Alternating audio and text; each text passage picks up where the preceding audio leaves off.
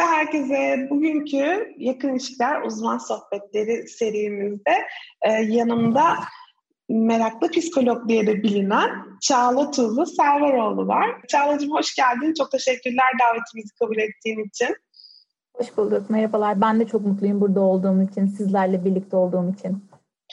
E, bugün Çağla'yla biz çocuklarda sorumluluk gelişimi gibi aslında geniş bir konu konuşacağız. Oradan bakalım nerelere götürecek bizi sohbet değil. Bir yandan da heyecanla bekliyorum ben. Çağla hep yaptığım bir söz sana bırakacağım. Kendini biraz tanıtmak ister misin izleyen, dinleyen herkese? Tabii tanıtayım. Öncelikle davet için ve böyle güzel bir organizasyonun parçası olmamı sağladığınız için hepinize ve arka planda çalışan bütün arkadaşlara çok teşekkür ederek başlayayım.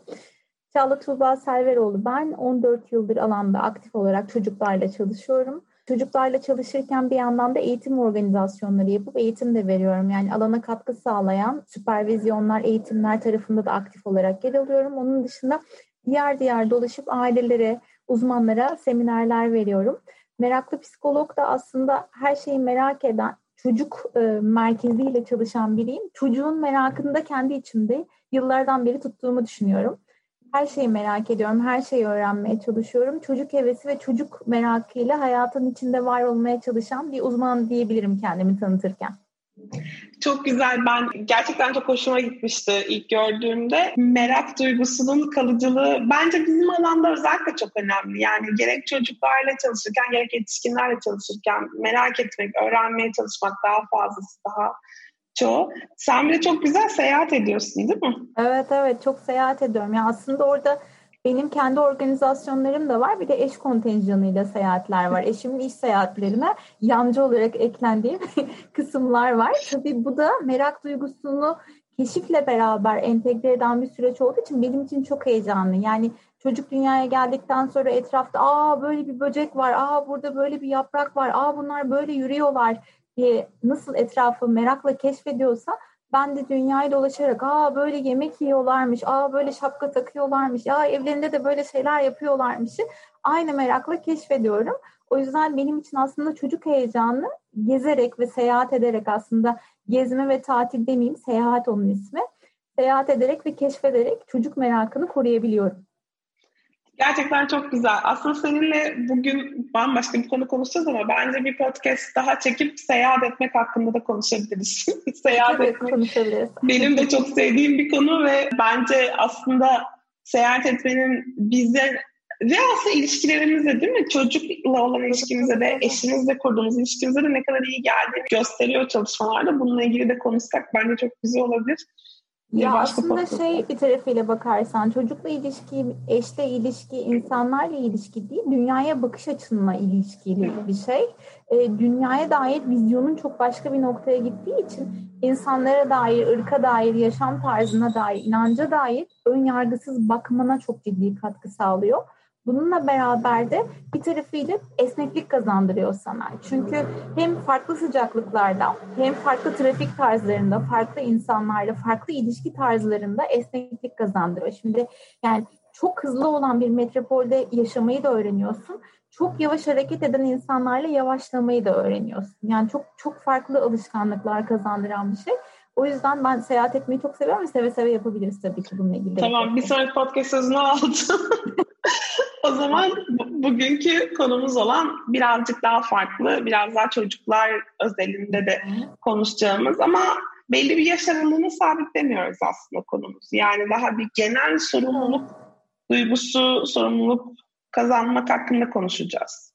Genel sorumluluk hakkında konuşacağız ama tabii ki temelleri erken çocukluk dönemi 0-6 yaş aralığında atıldığı için aslında o tarafa daha çok vurgu yapacağım bir şey olacak. Çünkü 0-6 yaş aralığında hiç sorumluluk verilmemiş bir çocuğa 15 yaşında ergenlik ortasında tam hormonları ve hayatla mücadele etmeye çalışırken, varoluşunu sorgularken hadi evladım sorumluluk verelim dediğimizde aslında çok daha zor oluyor bu süreç. O yüzden birazcık daha oraya vurgu yapacağım ama genel bir şeylerden de bahsedeceğim tabii ki. Tamamdır, çok güzel. Böylece izleyicilerimize bir şey başlangıç olmuş olsun. Peki ben 3 e, yaşından biraz büyük bir kıza sahip olarak çocuğuma nasıl sorumluluk kazandırabilirim sorusuyla başlayayım. Şaka bir yana gerçekten en temelinden başla Çağla bize anlatmaya. Nerede, nasıl olsun bu işler? Ben hep şeyi söylüyorum aileleri bana gelen. E, onlar minik insanlar ve dünyayı keşfetmek için geldiler. Bizim kadar hızlı değiller. Bizim kadar e, her şeyi çabuk öğrenmek zorunda da değiller. Her çocuğun kendi ritmi var. Her çocuğun kendi hızı var. Biz yetişkin olarak onlarla senkronize olmalıyız.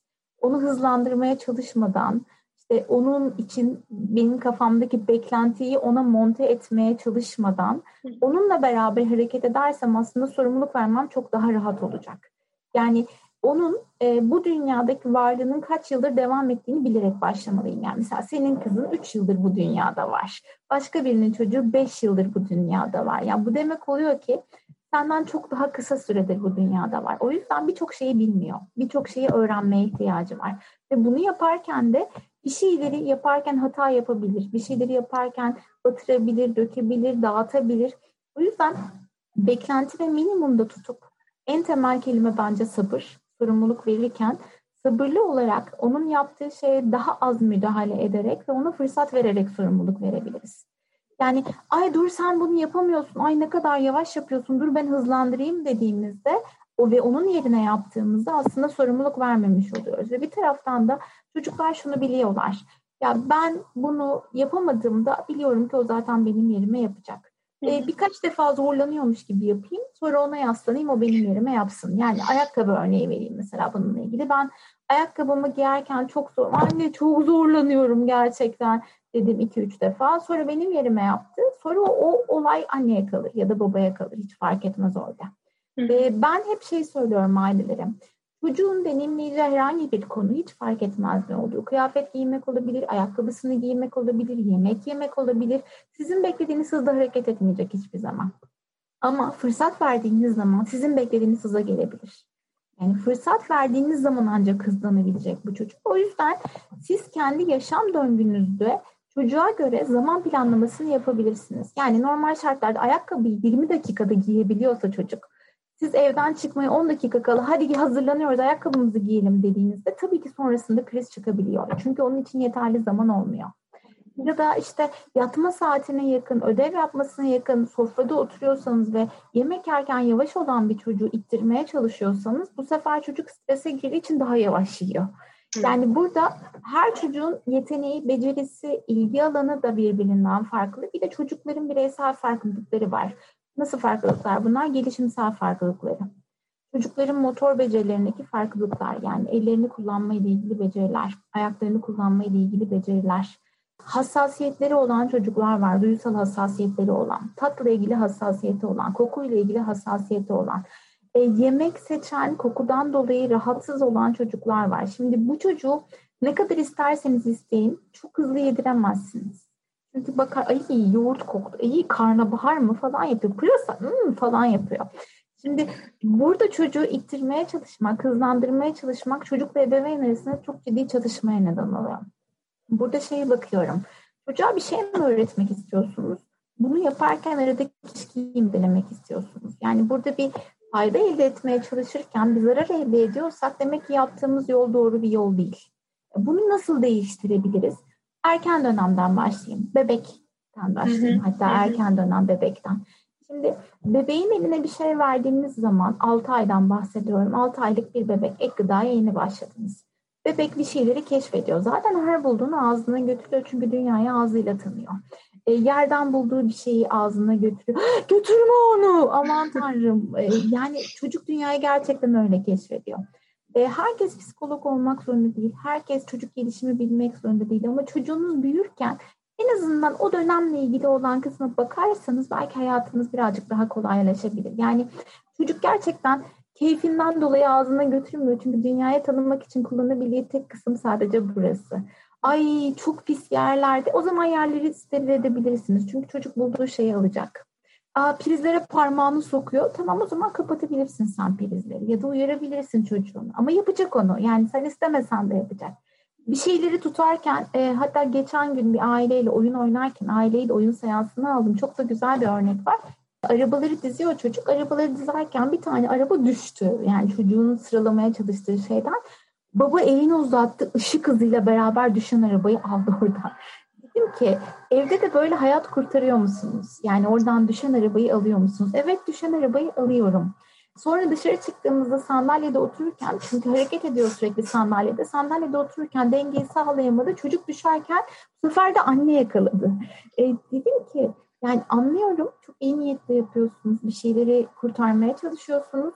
Ama hayatı boyunca yanında olamayacaksınız. Bazen düşmeye de izin vermek lazım. O araba düştüğü zaman onun yerden almasına fırsat vermek lazım. Düştüğü zaman canı acıdığında sandalyede daha dikkatli olmayı öğrenecek. O yüzden bebeklik döneminde çocuğa sorumluluk vermek, çocuğun düşmesine, tabii ki kafasını gözünü kırmasından bahsetmiyorum. Ama bir şeyleri deneyimlemesine izin vermek. Burada da tırnak içinde söylüyorum. Helikopter ebeveyn kavramı vardır bizim alanda çok sık kullanılan. Sürekli çocuğun arkasında aman başına bir şey gelecek, aman tehlikede demek değil de doğayı keşfetmesine izin vermek. Ve bunun için de çok fazla oyuncağa ihtiyacımız yok. Ee, bir sürü madde çıkardım hepsini hani aktarırım size diye. Evin içinde çocuğu dahil edebileceğiniz sorumluluklar listesi çıkardım. Üç sayfa. Yani çok erken, çok basit bir şey ama günlük hayatın içinde aileler şey söylüyorlar mesela çok fazla oyuncağı var ve hiçbir şeyle oynamıyor. Çok fazla oyuncağa ihtiyacı yok. Erken dönem çocuk dünyayı keşfederken ve merak ederken, deneyimlerken anne yemek yaparken yanında dolapları açıp tencerelerle oynuyor. Çünkü tencereleri birbirine vuruyor, onun çıkardığı sesten hoşlanıyor. Tencereleri iç içe koyuyor, büyük küçük kavramını öğreniyor. Ses çıkardığı zaman hangisinin rahatsız edici ses, hangisinin daha alçak ses olduğunu fark ediyor. Onları iç içe geçirmeye çalışırken bazısının daha ahar olduğunu, bazısının daha hafif olduğunu keşfediyor. Deneyimsel öğrenmek için aslında evin içinde var olan her şey çocuğun sorumluluk almasına yardımcı oluyor. Çocuğun önüne bir sürü yemek koymaktan ziyade işte belki araştırırlar ve bakarlar diye söylüyorum. Bebek liderliğinde beslenme, BLV kavramı 6 aylık itibariyle eğer yapabiliyorsa her aile ve her anneye uygun olmayabiliyor çünkü ortalık gerçekten çok batıyor ve temizlik konusunda hassasiyeti olan anneler için sefer daha çok gerilim nedeni oluyor. Sadece uygunsa diye söylüyorum. Burada çocuğun bir şeyleri deneyimlemesine izin vermek iyi görüyorsunuz. 6 aylık bebek e, bir havucu, haşlanmış bir havucu kavrayıp ağzıyla deneyimleyebiliyor, tutabiliyor, yakalayabiliyor. 6 aylık bebek bunu yapabiliyorsa birazcık daha büyüdüğü zaman bir şeyleri iç içe geçirmeyi de öğreniyor. Bir şeyleri yerleştirmeyi de öğreniyor. Sıralamayı da öğreniyor. Çünkü psikologların e, gelişim dönemlerinde en öğrendiği ve en çok altı çizilen bence her yerde bağırmamız da gereken şeylerden bir tanesi çocuğun beyninin en aktif olduğu ve öğrenmenin en çok hayatının merkezinde olduğu dönem iki yaşa kadar olan dönem. E, bu dönem aslında çocuğa fırsat verdiğimizde, çocuğun bir şeyleri deneyimlemesini sağladığımızda ve bunu yaparken eyvah başına bir şey gelecek, aman tanrım düşeceksin dediğimizde çocuk öğrenmeyi bırakıyor. Çünkü korkuyor, başına bir şey geleceğinden korkuyor, yapamayacağından korkuyor. Ve onun yerine birisi bir şey yaptığı zaman zaten o yapar diye bu sefer bütün işleri ona bırakmaya başlıyor. O yüzden sorumluluğun temeli erken dönemde ebeveynin ne kadar bırakabildiği, ne kadar çocuğu hayata emanet edebildiği ile ilgili. Çocuğu hayatın kollarına emanet ettiğinizde bunu sadece evin içinden bahsetmiyorum. Doğaya gittiği zaman da öyle. Yani çocuklarda korku erken dönem gelişmiyor ebeveynden bağımsız olarak söylüyorum. Yani doğada bir çocuk bir tane yılanı görsün alır aa ne tatlıymış der. Orada kimse tepki vermiyorsa solucanı alır tutar eliyle. Çünkü gerçekten merak ediyor ve keşfetmeye çok yatkın. Sizin bakış açınızla bakmıyor. Ormana götürdüğünüz zaman 35 çeşit ağacın yaprağını saatlerce inceleyebilir 2 yaşında bir çocuk. Ama sizin için o sadece ağaçtır. O yüzden benim ebeveynlere sorumluluk vermelerini isterken söylediğim şeylerden bir tanesi ne olur yavaşlayın. Ee, yavaşlayın ve onlara sorumluluk verin. İşlerinizi ona göre organize edin. Onların hayatı keşfederkenki yolculuğuna eşlik edin. Birazcık daha büyüdüler. İşte iki yaş artık yürüyor, konuşuyor. Herhangi bir gelişimsel sorunu yoksa birazcık daha büyüdü. Artık hepimizin yediği yemeklerden yavaş yavaş deneyimlemeye başladı. Hı. İki yaşında yemeği bırakın kendisi yesin. Ha, döküyor mu, batırıyor mu? Önlemi alabilirsiniz. Yani sofra altı örtüsü serersiniz, önlük takarsınız, döktüğü zaman yaparsınız. Ama bunu yaparken de çocuğun o deneyimleme yolculuğunu çocuk için çok zorlayıcı hale getirmemek lazım. Yani çocuğun yanında sürekli ıslak mendille nöbette bekleyip her döktüğü zaman ağzını kenardan silmek, kollarını buradan aşağı silmek gibi Bu da çok zorluyor. Yani şöyle hayal edin istiyorum. Yemek yiyorsunuz ve her önünüze döktüğünüz zaman birisi sizi sürekli dezenfekte ediyor. Yani çocuk için çok yorucu. Yemeğin tadını alamazsınız. Ve bunu yaparken de normal olan bir sürecin içine yapay olan bir süreci dahil etmeyin diyorum. Nasıl? Teknolojiyi dahil etmemek.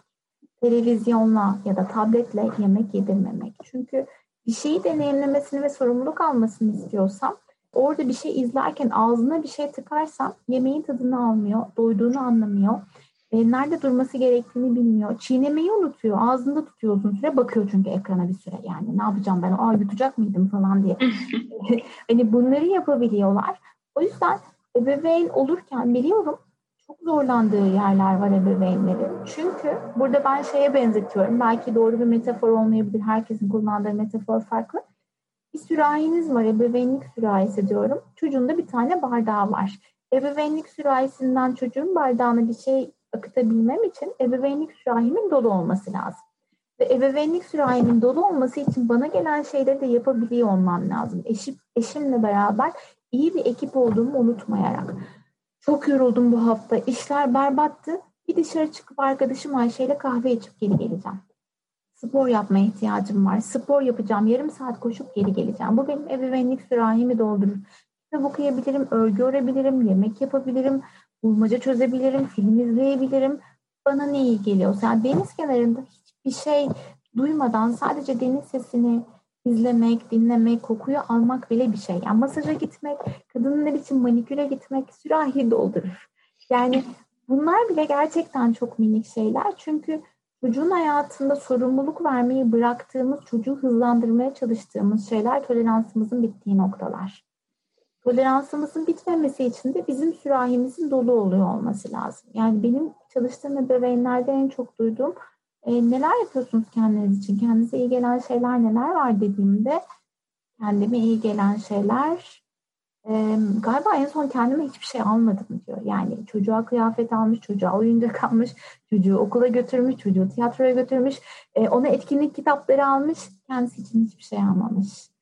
Bizim bence şöyle bir yanılgımız var ebeveyn olarak. Ee, biraz toplumsal da bir tarafı da var bunun. Sanki ebeveyn olduğun zaman senin artık bütün kimliğin ebeveyn olmak ve sana dair bir şey kalmamış. Sen artık sen değilsin. Sen artık birinin annesisin, birinin babasısın ve o şekilde hayatını sürdürmelisin gibi bir bakış açısı oluyor. Ve gerçekten şey çok üzücü bence kişilerin artık kendi benliklerine dair bir algıları kalmıyor da birinin annesi olmaya dair bir algıları, birinin babası olmaya dair.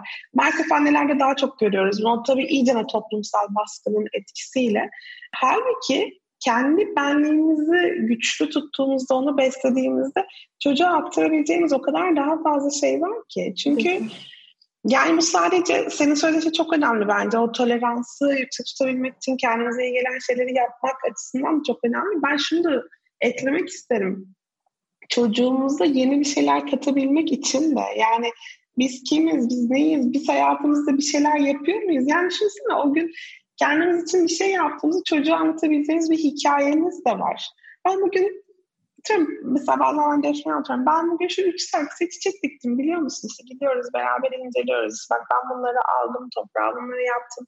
Bazen birlikte yapıyoruz ama bazen de onun için mesela o benim hobim. Bunu biliyor ve e, en azından hani ben kendime değişik bir şey yaptım onu anlatmış oluyorum.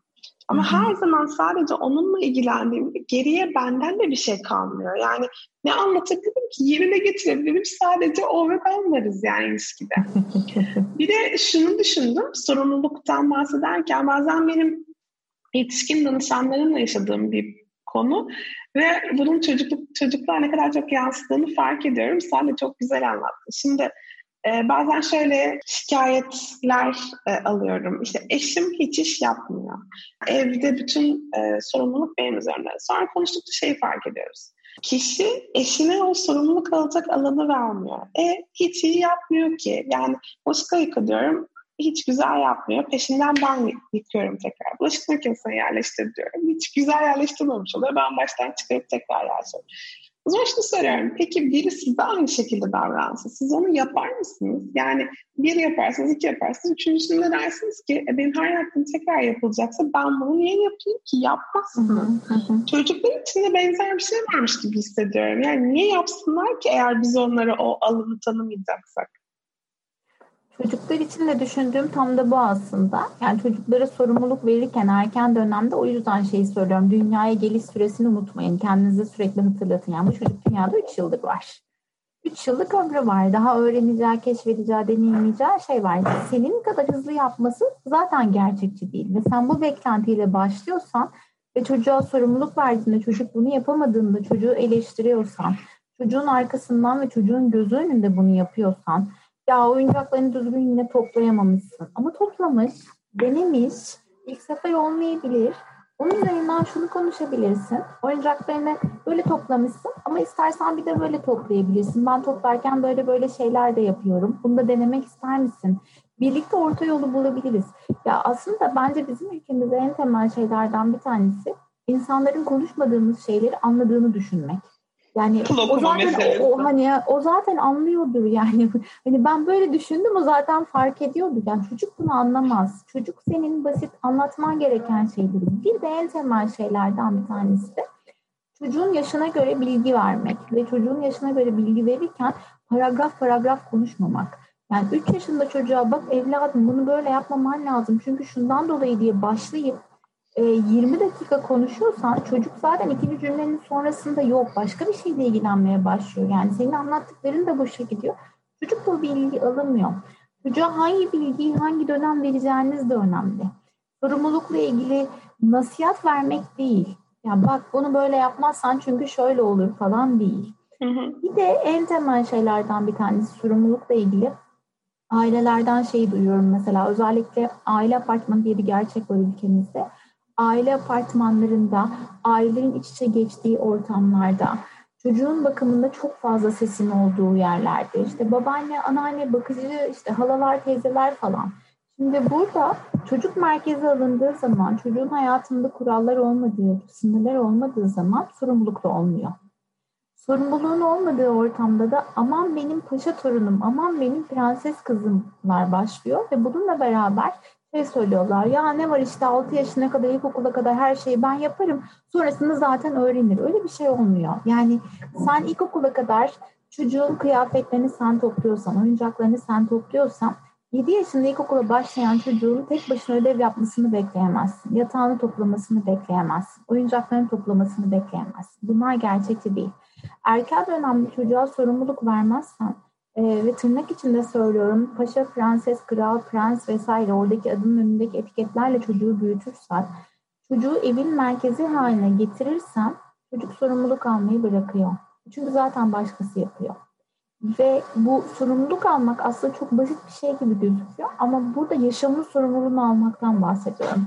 Ya kıyafetlerini ben toplasam ne olur? Tamam kıyafetlerini sen topla ama kıyafetlerini sen toplarsan ödevlerini de sen yaparsın oyuncaklarını sen toplarsan projelerini de sen yaparsın.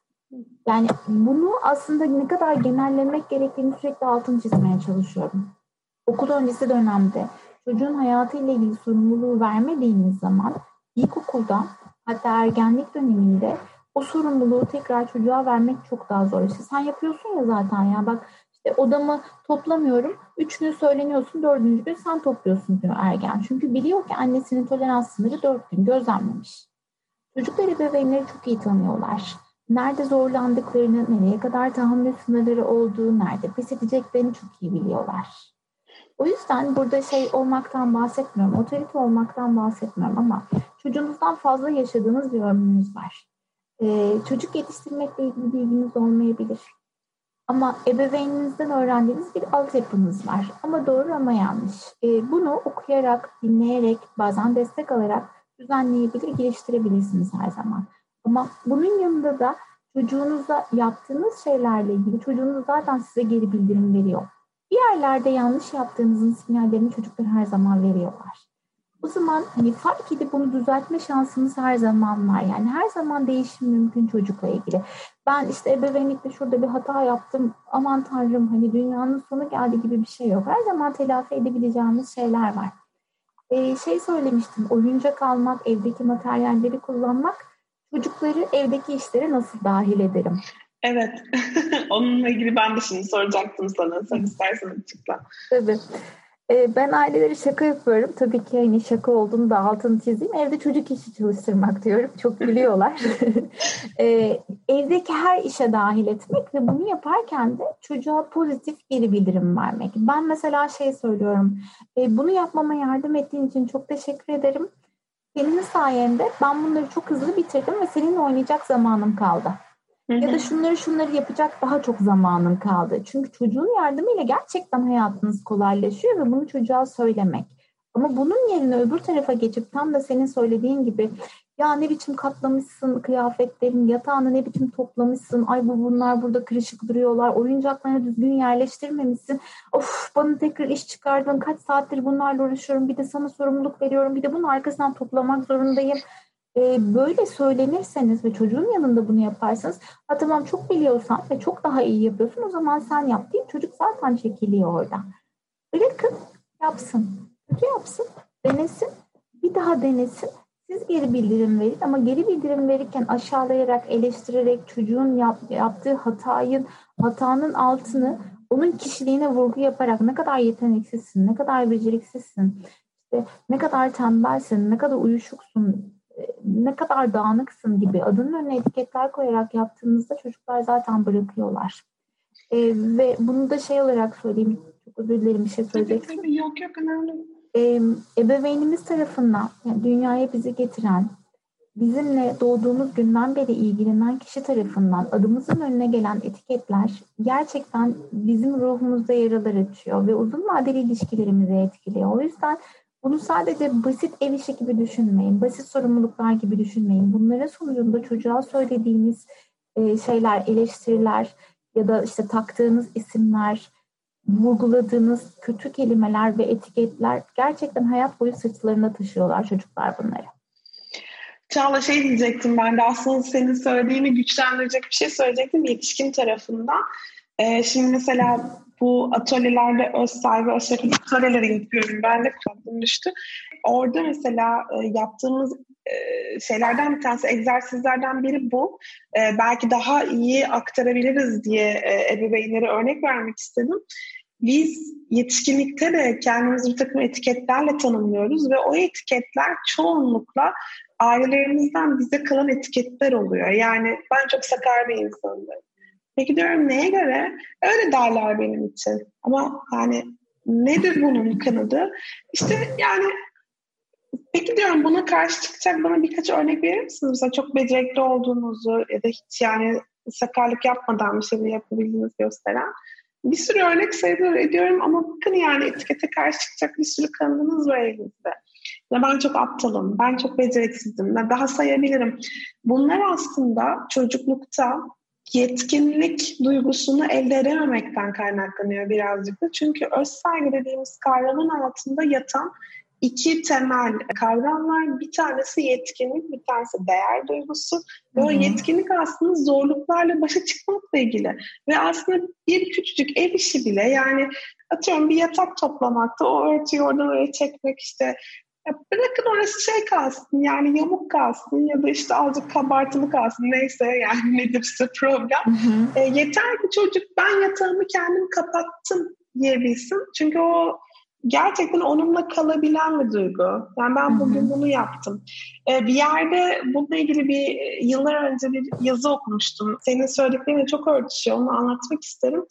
Şeyde bu bir yanlış hatırlamıyorsam ya Afrika'da ya Orta Amerika'da bir e, daha böyle teknolojiden uzak e, yani böyle bizim batılı medeni toplum e, diye tabir etmediğimiz çok daha doğal koşullarda yaşayan bir e, ortamda şey fark etmişler oraya gözlemlemeye giden sosyologlar. Çok çocuklar ev işlerine inanılmaz dahil. Yani hani her şeye yetişiyorlar. 7-8 yaşında çocuklar bile ergenler bile hani en çok problem çıkan yaş olarak hiçbir sıkıntı yok. Hani her çocuk her işin ucundan tutuyor. E, ama bunu şöyle anlatmak lazım sanırım. Bir iş bölümü var. Yardımcı oluyorlar değil. iş bölümü var evin içerisinde. Herkesin sorumluluğu var. Ondan sonra araştırdıklarında yani siz ne yapıyorsunuz da bu çocuklar böyle oluyor diye sorduklarında şunu anlatmışlar. Ee, ben anne olmadan önce okumuştum ama onu duyduğumdan, okuduğumdan beri şey yapıyorum, uygulamaya çalışıyorum da evde. Ee, çocukları çok küçük yaştan itibaren onların yapabileceği kadar da olsa bir ev işi. Yani hani şey gibi bu tabağı buradan şuraya götürebilir misin? İşte şu çamaşırları makineden çıkartmama yardımcı olur musun? Yani üç parça var ama önemli değil. Tabii ki koca sepeti taşıyabilir ama taşısın. Ya da hani iç çamaşırı var katlanmasının çok da büyük kritik bir önem taşımadı. Onu o katlasın. Ben mesela Defne'ye şunu yaptırıyorum. Çok hoşuna gidiyor. Örnek vermişsin marul bıçakları var böyle şey plastik bıçakla işte keskinliği olmayan.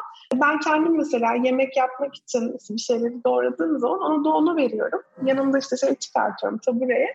O da kendince onunla onları doğruyor. İşte onları da yemeğe koyuyor. Sen yaptın diye çok güzel oldu bu yemek. Sen yapmasan ben zaten yetiştiremezdim. Şimdi akşam yemeğini yetişiyorum. Çok lezzetli olacak yemek. O kadar gurur değil ki. O yemeği o yapmış gibi. Yani bu da okuduğum için yapabildiğim bir örnek. Ben de her şeyi doğru yapamıyorum ama en azından hani uygulanabilir kolay bir örnek olduğu için söylüyorum. Somutlaştırmak çünkü iyi oluyor. Podcastları dinleyen dinleyicilerimiz için. Tabii. Böyle çok küçük güzel örnekler var aslında. Eminim herkesin yaratıcılığıyla geliştirebileceği. Bunları yaptığınız zaman çocuklarımızın gelecekteki öz saygılarını geliştirmek adına çok büyük bir adım atmış oluyoruz ve çok daha mutlu, çok daha az kaygılı bireyler yetiştirmiş oluyoruz. Kesinlikle. Somutlamakla ilgili dedim ya 3 sayfa örnek çıkardım. Onlardan bahsedeyim ben de. Örnek istersen evet, evet. E, şimdi çocuğa oyun hamuru almak yerine evde hamur açmak çok yardımcı oluyor. İnce kas becerileri açısından. Çocukla beraber kurabiye yapmak, çocukla beraber hamuru açacak çalışmalar yapmak, kek yapmak. Yani burada 3 yaşında çocukla da çok rahat kek yapabilirsiniz. Tabii, evet, evet, evet. Birlikte puding yapabilirsiniz, karıştırma kısmını o yapar. Yani pudingin kapağını siz açarsınız, paketi açarsınız, o dökme kısmını yapar. Çok basit bir örnek. Hı hı. Kurabiye yapmak Çamaşırları ayırmak, bunlar beyazlar, bunlar renkliler kısmını ayırmak. Hatta istiyorsan bazı siyahları da ayırıp bir taraftan renkleri de öğrenir. Yani çabasız bir şekilde eğitim de vermiş olursunuz. Aa kırmızıları böyle alayım. Bir taraftan da konuşurum bunları yaparken. İşte kırmızılarla beyazları birlikte yıkamıyorum. Çünkü bu kırmızılar yıkanırken beyazlarla beraber olmayı çok seviyor. Ve beyazların üstüne renklerini bırakıyorlar. Ve beyaz kıyafetlerimizin hepsi kırmızı oluyor. Hayır ben sevmem beyaz kıyafet giymeyi seviyorum diye anlatırım da bir taraftan. Şimdi sadece eylem yapmak ve sorumluluk vermek değil, hayata da hazırlamak. Çünkü bu çocuk ileride Üniversiteye gittiği zaman en iyi senaryodan bahsediyorum. Evlenmek zorunda değil tabii ki. Üniversiteye gittiği zaman belki farklı bir şehirde olacak ve çamaşır yıkayacak. Yani hayatı boyunca çamaşır yıkamayan 25 yaşında insanlar var şu an ülkede. Yani çok hani basit bir şey. Sonra çamaşırları ayırmanın dışında çamaşır asmak. Çocuklar şunu çok seviyor. Hadi gel beraber silkeleyelim. Yani şu egzersiz aslında beraber bir taraftan da spor yapmak. Dedim ki ya neden silkeliyoruz bunları biliyor musun Ayşe olsun çocuğun adı. Şimdi bunları silkelediğimiz zaman ütü yaparken daha az yoruluyoruz. Çünkü bunların karışıklıkları gidiyor silkelediğimiz zaman. Hadi gel mandalları takalım. Ne renk mandal takalım? Şu renk mandal takalım. Hem ince motor geliştiriyorum hem renkleri öğretiyorum. Yani aslında çamaşır asarken ayakkabı boyamak. Beraber ayakkabı boyayabilirsiniz. Bulaşık makinesi yerleştirebilirsiniz Kıyafet katlamak. El ütüsü denen bir şey var. Kıyafetleri katlarken çocuklar minicik elleriyle mucizeler yaratıyorlar. Ya o minicik minicik gösteriyorsunuz. Mesela o çorapları, iç çamaşırlarını minik minik elleriyle düzleştiriyorlar ve çok seviyorlar. Yani bazen şey gibi geliyor. Bunu da ben yaparım, bunu da ben yaparım ama ev işinde gerçekten çok kalem var e, onlardan bazılarına çocuklarınız yardım ettiği zaman gerçekten yaşamdaki yükünüz de azalıyor. Yani bunu çok fark etmiyor olabilirsiniz ama çok işe yarayan şeyler. Devam ediyorum. Çekmece düzenlemek. Çok seviyorlar. Çekmeceleri aç, boşalt, içindekileri beraber yerleştir ve ona de ki hadi gel çorapları bu tarafa ayır, işte atletleri bu tarafa ayır. Onları bir, bir katlayalım. Ee, en çok sevdiğim hatta Netflix'te de belgeseli var. Marie Kondo usulü katlamalar. Çocuklar çok rahat yapıyorlar. O katlama tekniğini öğrettiğiniz zaman çok o çekmecenin içindeki yerleştirme kısmını da muhteşem yapıyorlar. Kendi kıyafetlerini çok güzel yerleştiriyorlar ve ben en sevdiğim şeyi söyleyeceğim. Çocuklar kendi yaptıkları şeyleri bozmuyorlar. Yani orada o çekmeceyi yerleştirmeye eğer 20 dakika ayırdıysa o çekmeceden bir kıyafet alırken eskisi gibi gelişi güzel almıyor. Çünkü onu katlarken ne kadar zaman harcadığını biliyor. Yani para kazanmaktaki para harcamak döngüsü gibi düşünebiliriz burada. Aslında emek verdiği şeyin değerini de biliyor. Mesela yemek yaparken de öyle. Bir şeyi doğramakta çok zorlanabilir. Marulu kesemeyebilir ama marulu eliyle parçalayabilir. Ekmek bıçağıyla ekmek kesemeyebilir ama ekmeği eliyle parçalayabilir. O da bir egzersiz onun için. Yemeklerin hepsine baharatları çocuğa kattırabilirim. Yani minik elleriyle alır, bir hani çimdik deyip baharat koyabilir. Sofra hazırlamaya çok erken dönem, yürümeye başladığından beri sofra hazırlamaya yardım isteyebilirim çocuklardan. Yani bir tane tuzluk taşıyabilir en kötü senaryoda. Ondan peçeteleri taşıyabilir. Peçeteleri ver peçeteli kovamadan götürsün yapsın. Çöp atmak yapılabilir. Tuvalet kağıtlarını değiştirmek, havlu kağıtları değiştirmek bunları yapabiliyorlar. Oyuncakları düzenlemek, oyuncak çekmecelerine hangi oyuncaklar varsa o oyuncakların stickerlarını yapıştırabilir. Bu dolayısıyla oyuncakları çok rahat bulabilir. Hiçbir şey yapmadı. O çekmecedeki oyuncakların resimlerini kendisi yapabilir. Hangi çekmecede hangi oyuncak olduğunu birlikte bulabilirsiniz onu yapıştırdığınız zaman. Çiçek sulamak, e, çiçek ekmek, toprakla ilgili her türlü şeyler, barbunya, bezelye ayıklamak. Bunları çok rahat yapabiliyorlar. Müthişler o konuda, müthişler gerçekten. Çok iyiler. Kiraz vişne ayıklamak, reçel mi yapıyorsunuz, buzluğa mı kaldırıyorsunuz? Sonra onları buzdolabı poşetlerine yerleştirmek, sonra onların şeylerini takmak beraber. Nevresim takımlarını çıkarmak, yastıkları çıkarabilirler mesela. Beş yaş çok rahat yastığı çıkarabilir. Nevresimi çok rahat sökebilir. Yani bunları çok rahat yapabilirler. Çocukları gerçekten küçümsemeden görev verdiğiniz zaman bir sürü şey yapabiliyor. Takı düzenlemek, babaların alet çantalarını düzenlemek, tamir işlerine yardım etmek, boya yapılacak şeylerde boya yapmak. Yani mesela bir mobilyası var, mobilyanın boyasını yapmak. Bunun gibi bir sürü şey kullanılabilir. Ve bunları yaparken çocuğa öğretebilirsiniz de. Ben bunu böyle yapıyorum çünkü şöyle oluyor. Mesela şeyleri aldınız, baklagilleri aldınız, onları suya koydunuz ve şey dediniz. Ben bunları niye suya koyuyorum biliyor musun diye anlatırım. Sonra aa bak ben bunların içine kimyon koydum çünkü kimyon koymazsam daha çok pırt yapıyoruz biz. Derim hatta güleriz beraber onun üzerine. Günlük hayatım içinde yaptığım her şeyi onları dahil ettiğimde aslında evin bireyi olduğunu hissediyorlar. E, dinlerse buradan sevgilerimi ileteyim. İsviçre'de yaşayan bir arkadaşım var psikolog Eylem diye. Orada uzun süre kalan birisi olduğu için tam bir İsviçre ekolünde bilen bir anne. Evlerinde erken dönemden itibaren çocukların sorumluluk çizelgeleri var. Hmm. Sabah kalkıyorlar, işte yapmaları gereken kahvaltılarını kendileri hazırlıyorlar. Yani böyle çocuklar ilkokula gidiyor, kahvaltılarını hazırlıyorlar, anneleri de destek oluyor. E, montlarını asma yerleri çocukların boyuna uygun. Evine de gittiğim için söylüyorum. Montlarını asma yerleri çocuklara uygun. Şemsiye koyma yerleri çocuklar için uygun. Bunlar hiç yapılamayacak şeyler değil. İşte o gün içinde yataklarını toplamak, oyuncaklarını toplamak, dişlerini fırçalamak, bunları çizelgeler yapılabilir. Okuma yazma bilen çocuk için çocukla beraber o chartları hazırlayabilir ve yazabiliriz. Okuma yazma bilmeyen çocuklar için onların resmini yapıştırabilirsiniz. Yapılacak şeyler, diş fırçalamak. Hmm, bakalım diş fırçalama saati gelmiş, hadi gel beraber diş fırçalayalım. Aa ellerimizi yıkama saati gelmiş, hadi gel bunu beraber yapalım. Yani bunları okul öncesi dönem için söylüyorum 6 yaşa kadar olan şeyleri hadi şunu yapacağız derseniz ve bunu bir askeri nizamda yapmaya çalışırsanız çocuk için çok antipatik oluyor. Ama bunu oyuna çevirerek yaparsanız sorumlulukları vermek, hayatlarına katmak gerçekten çok daha keyifli oluyor. Bunu yapamadıkları günler olabilir. Aynı şekilde bir şey yaptıktan sonra eleştirmek, adının önüne etiket takmak gibi bunu yetişkin olarak düşünelim. Canınızın hiç yemek yapmak istemediği günler olabilir. Daha çok uyumak istediğiniz günler olabilir. Yatağınızı toplamadan açık bırakmak istediğiniz günler olabilir. Yetişkin olarak düşünün. Çocuk için o gün oyuncaklarını toplamak istemediği günde olabilir. Yatağını toplamak istemediği günde olabilir. Bunu da konuşabilirsiniz çocuğunuzla. İşte hayır saat 10'a kadar yataklar toplanmalı, her şey katlanmalı. Çünkü çocukların da mutsuz olduğu dönemler oluyor. Okulda bazen akran zorbalığına maruz kalabiliyor. Akademik başarısı birden düşmüş oluyor. Arkadaş ilişkilerinde problem yaşamış olabiliyor. Bazen bir arkadaşının sevdiği oyuncak onda olmamış olabiliyor. Yani onun kendi yaşına göre sorunları var e, canı hiçbir şey yapmak istemeyebiliyor. O zaman destek de olabiliriz. Yani sorumluluk verirken ben sorumluluğu komple attım. Ne halim varsa gör de çok keyifli bir şey değil. Aa bugün kendini çok mu yorgun hissediyorsun? O zaman oyuncakları toplarken şöyle yapalım mı? Kutuya bir tane sen at bir tane ben atayım. İşte bakalım kim daha fazla atacakmış. Ben üç tane attım sen beş tane mi attın? Yaşasın deyip bunu oyuna çevirebilirim. Yani hani bazen sorumluluklar konusunda hepimizin desteğe ihtiyacı var. Çocukların da var. Yani ben çocuğa sorumluluğu öğrettim sonra onu kariyerine terk ettim gibi bir şey düşünülmesin. Ee, bazı zamanlarda gerçekten destek ve arkadan bir el, sırtını sıvazlayan bir ele ihtiyaç duyuyor çocuklar. Ama bunları yaparken e, hep şeyi söylüyorum. Geçenlerde de paylaştığım şeylerden bir tanesi. Çocukların bir şeyi gerçekten öğrenmesi için 400 tekrar, tekrara ihtiyaçları varmış beyinde bir şeyin yerleşmesi için. Ben bunu duyduğumda tabii dehşet düştüm. 400 tekrar falan.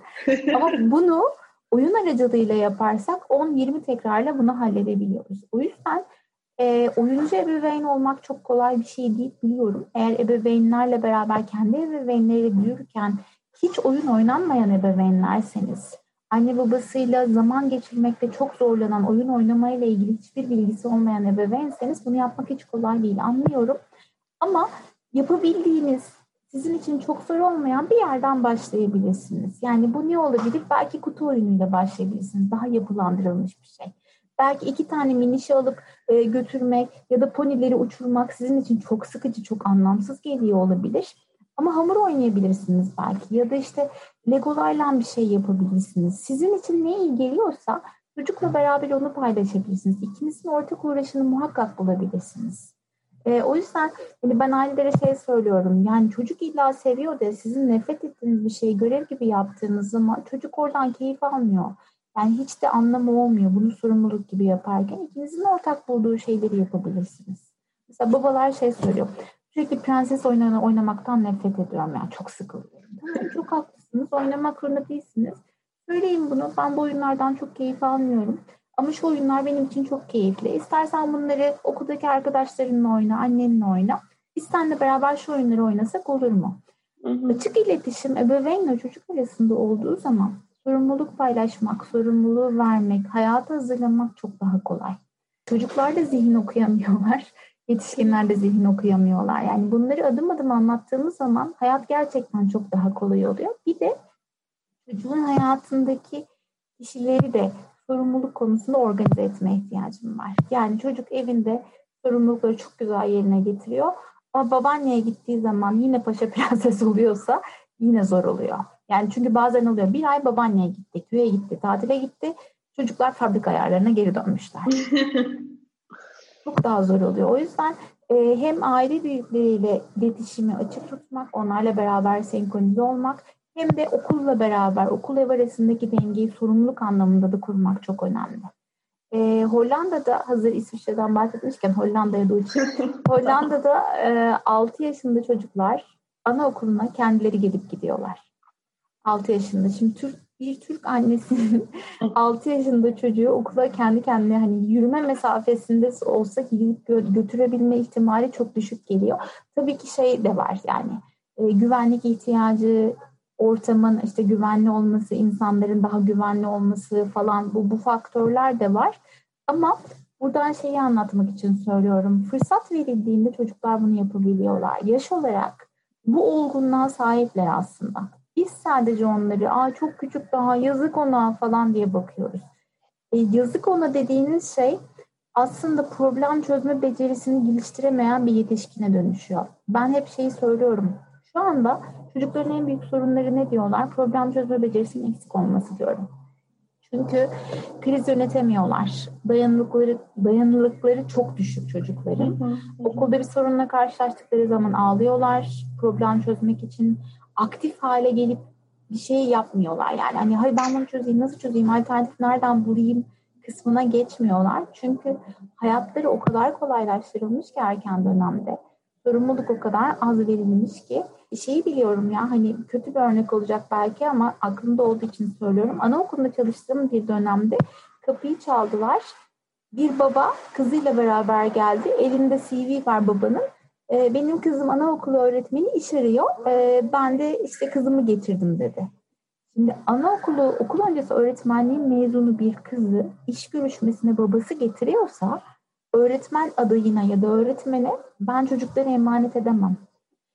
Şimdi ebeveynin ne kadar bıraktığı çocuğun hayattaki zorluklarla baş etme becerisini o kadar artırıyor.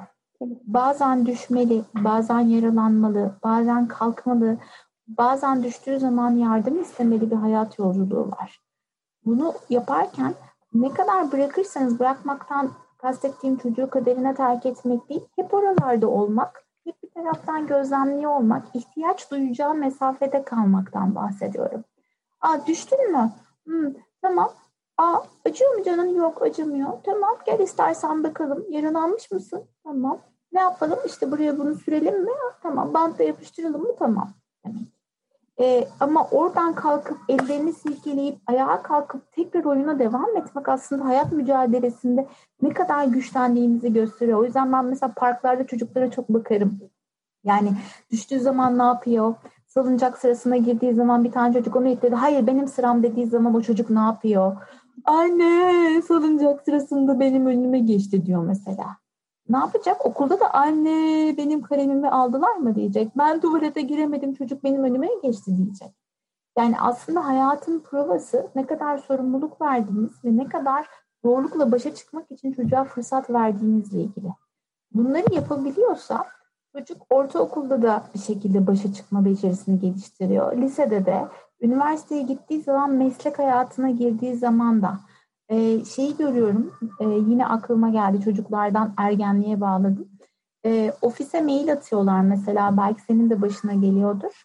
Arkadaşlara da örnek olsun diye söylüyorum psikoloji öğrencileri ve psikologlara. CV yazıyor mesela subject kısmına, konu kısmına. E, ana metin yazılacak kısım bomboş ve ekle CV var. Şimdi bu CV'yi bir aklı başında iş sahibi kişi alıp değerlendirmez. Çok donanımlı bir CV olsa da değerlendirmez. İş görüşmesine ebeveyniyle gidenler, iş görüşmesi için e, ebeveynlerin aradığı, benim çocuğumun e, yarın iş görüşmesi varmış, tam adres alabilir miyim? çocuk, çocuk kendisi gitsin iş görüşmesine. Yani e, şu anda gerçekten hani kuşaklardan da belki bahsetmek gerekirken X kuşağı gerçekten problem çözme becerisi konusunda zorlanmayan bir kuşaktı. Ama Z kuşağına giden süreçte aslında şey kısmını görüyoruz. Ee, ben yapamadım şimdi ne yapacağım? Nasıl çözeceğim bu problemi? Ya çok çok zor şimdi burada ne olacak? deyip bırakıyorlar. Pes ediyorlar. Hata toleransları çok zayıf. E, oyunlarda kaybettikleri zaman ağlıyorlar, devam etmiyorlar bir şeyde zorlandıkları zaman bırakıyorlar. O yüzden ebeveynlere söyleyeceğim çocuğunuza gerçekten iyilik yapmak istiyorsanız milyon tane oyuncak almak yerine çocuğunuza sorumluluk verin. Evdeki materyalleri oyun malzemesi olarak kullanmasına izin verin. Gerçekten çok büyük bir bütçeniz mi var çocuğunuz için harcayabileceğiniz? Bankaya koyabilirsiniz. Çünkü zaten eğitim hayatı çocuklar için pahalı bir dönem. Yani zaten yani ilkokuldan üniversiteye kadar eğitim hayatını destekleyeceğiniz noktada paraya ihtiyacınız olacak. Oyuncak için harcadığınız bütçeyi burada da kullanabilirsiniz çok rahat bir şekilde. Bayağı konuştum bir durayım dedim. Belki Çağla'cığım yok, yok çok güzel. Ben de çok keyifle dinliyorum. Ama şey istersen toparlayalım ki tabii, tabii. daha sonraki podcast'ta yani bak ergenliğe çok az girebildik aslında. Belki ergenlik hakkında konuştuğumuz bir podcast daha çekeriz. E, bence çok güzel bir mesajla bitirdin aslında. Yani şu anda iki kuşağın e, özellikle helikopter ebeveynler tarafından yetiştirilmiş olan çocukların e, kaygı seviyelerinin çok yüksek, psikolojik dayanıklılıkları, esnekliklerinin veya dayanıklılıklarının da çok düşük, daha düşük olduğunu biliyoruz. E, o yüzden de aslında bence bu bize kendimizi nasıl değiştirip nasıl onlara daha fazla keşif alanı tanımamız gerektiği ya da sorumluluk sahibi olmalarına yardımcı olmamız gerektiğini gösteriyor. Umuyorum ki e, bu yaptığınız yayınlar veya paylaşımlarımız daha fazla insana yayılır. Belki bütün davranışları değiştirmesine yardımcı olamayız insanların ama bir yerden başlarlarsa bence çok daha iyiye gidebilir diye düşünüyorum çok daha bilinçli ebeveynler sayesinde çok daha sağlıklı, psikolojik olarak da daha sağlıklı bireyler yetiştirebileceğinize inanıyorum ben de. Çok teşekkür ederim katıldığınız için. Ben Senin teşekkür ederim. Bir şey var mı? Ee, son olarak belki son bir toparlamak, e, ebeveynlerin çocuklara sürekli dünyanın tehlikeli bir yer olduğuna dair mesaj vermesinden ziyade dünyanın zorluklar içeren bir yer olduğu, bu zorluklarla deneyimsel bir şekilde başa çıkabilecekleri, e, deneyerek bazı şeylerde zorluklar yaşayabilecekleri, bazen düşebilecekleri, bazen kalkabilecekleri bir yer olduğunu söylemek çok daha iyi olacak. O yüzden hayatın her yerinde, evde, dışarıda, sokakta, okuldan ne olur çocuklarınıza sorumluluk verin ki hayata karşı savunmasız olmasınlar. Çok güzel bağladın. Çok teşekkür ederim. Ben teşekkür Tekrar ederim. teşekkürler katıldığın için. Herkese sevgilerimizi gönderiyoruz. Hoşçakalın. Hoşçakalın.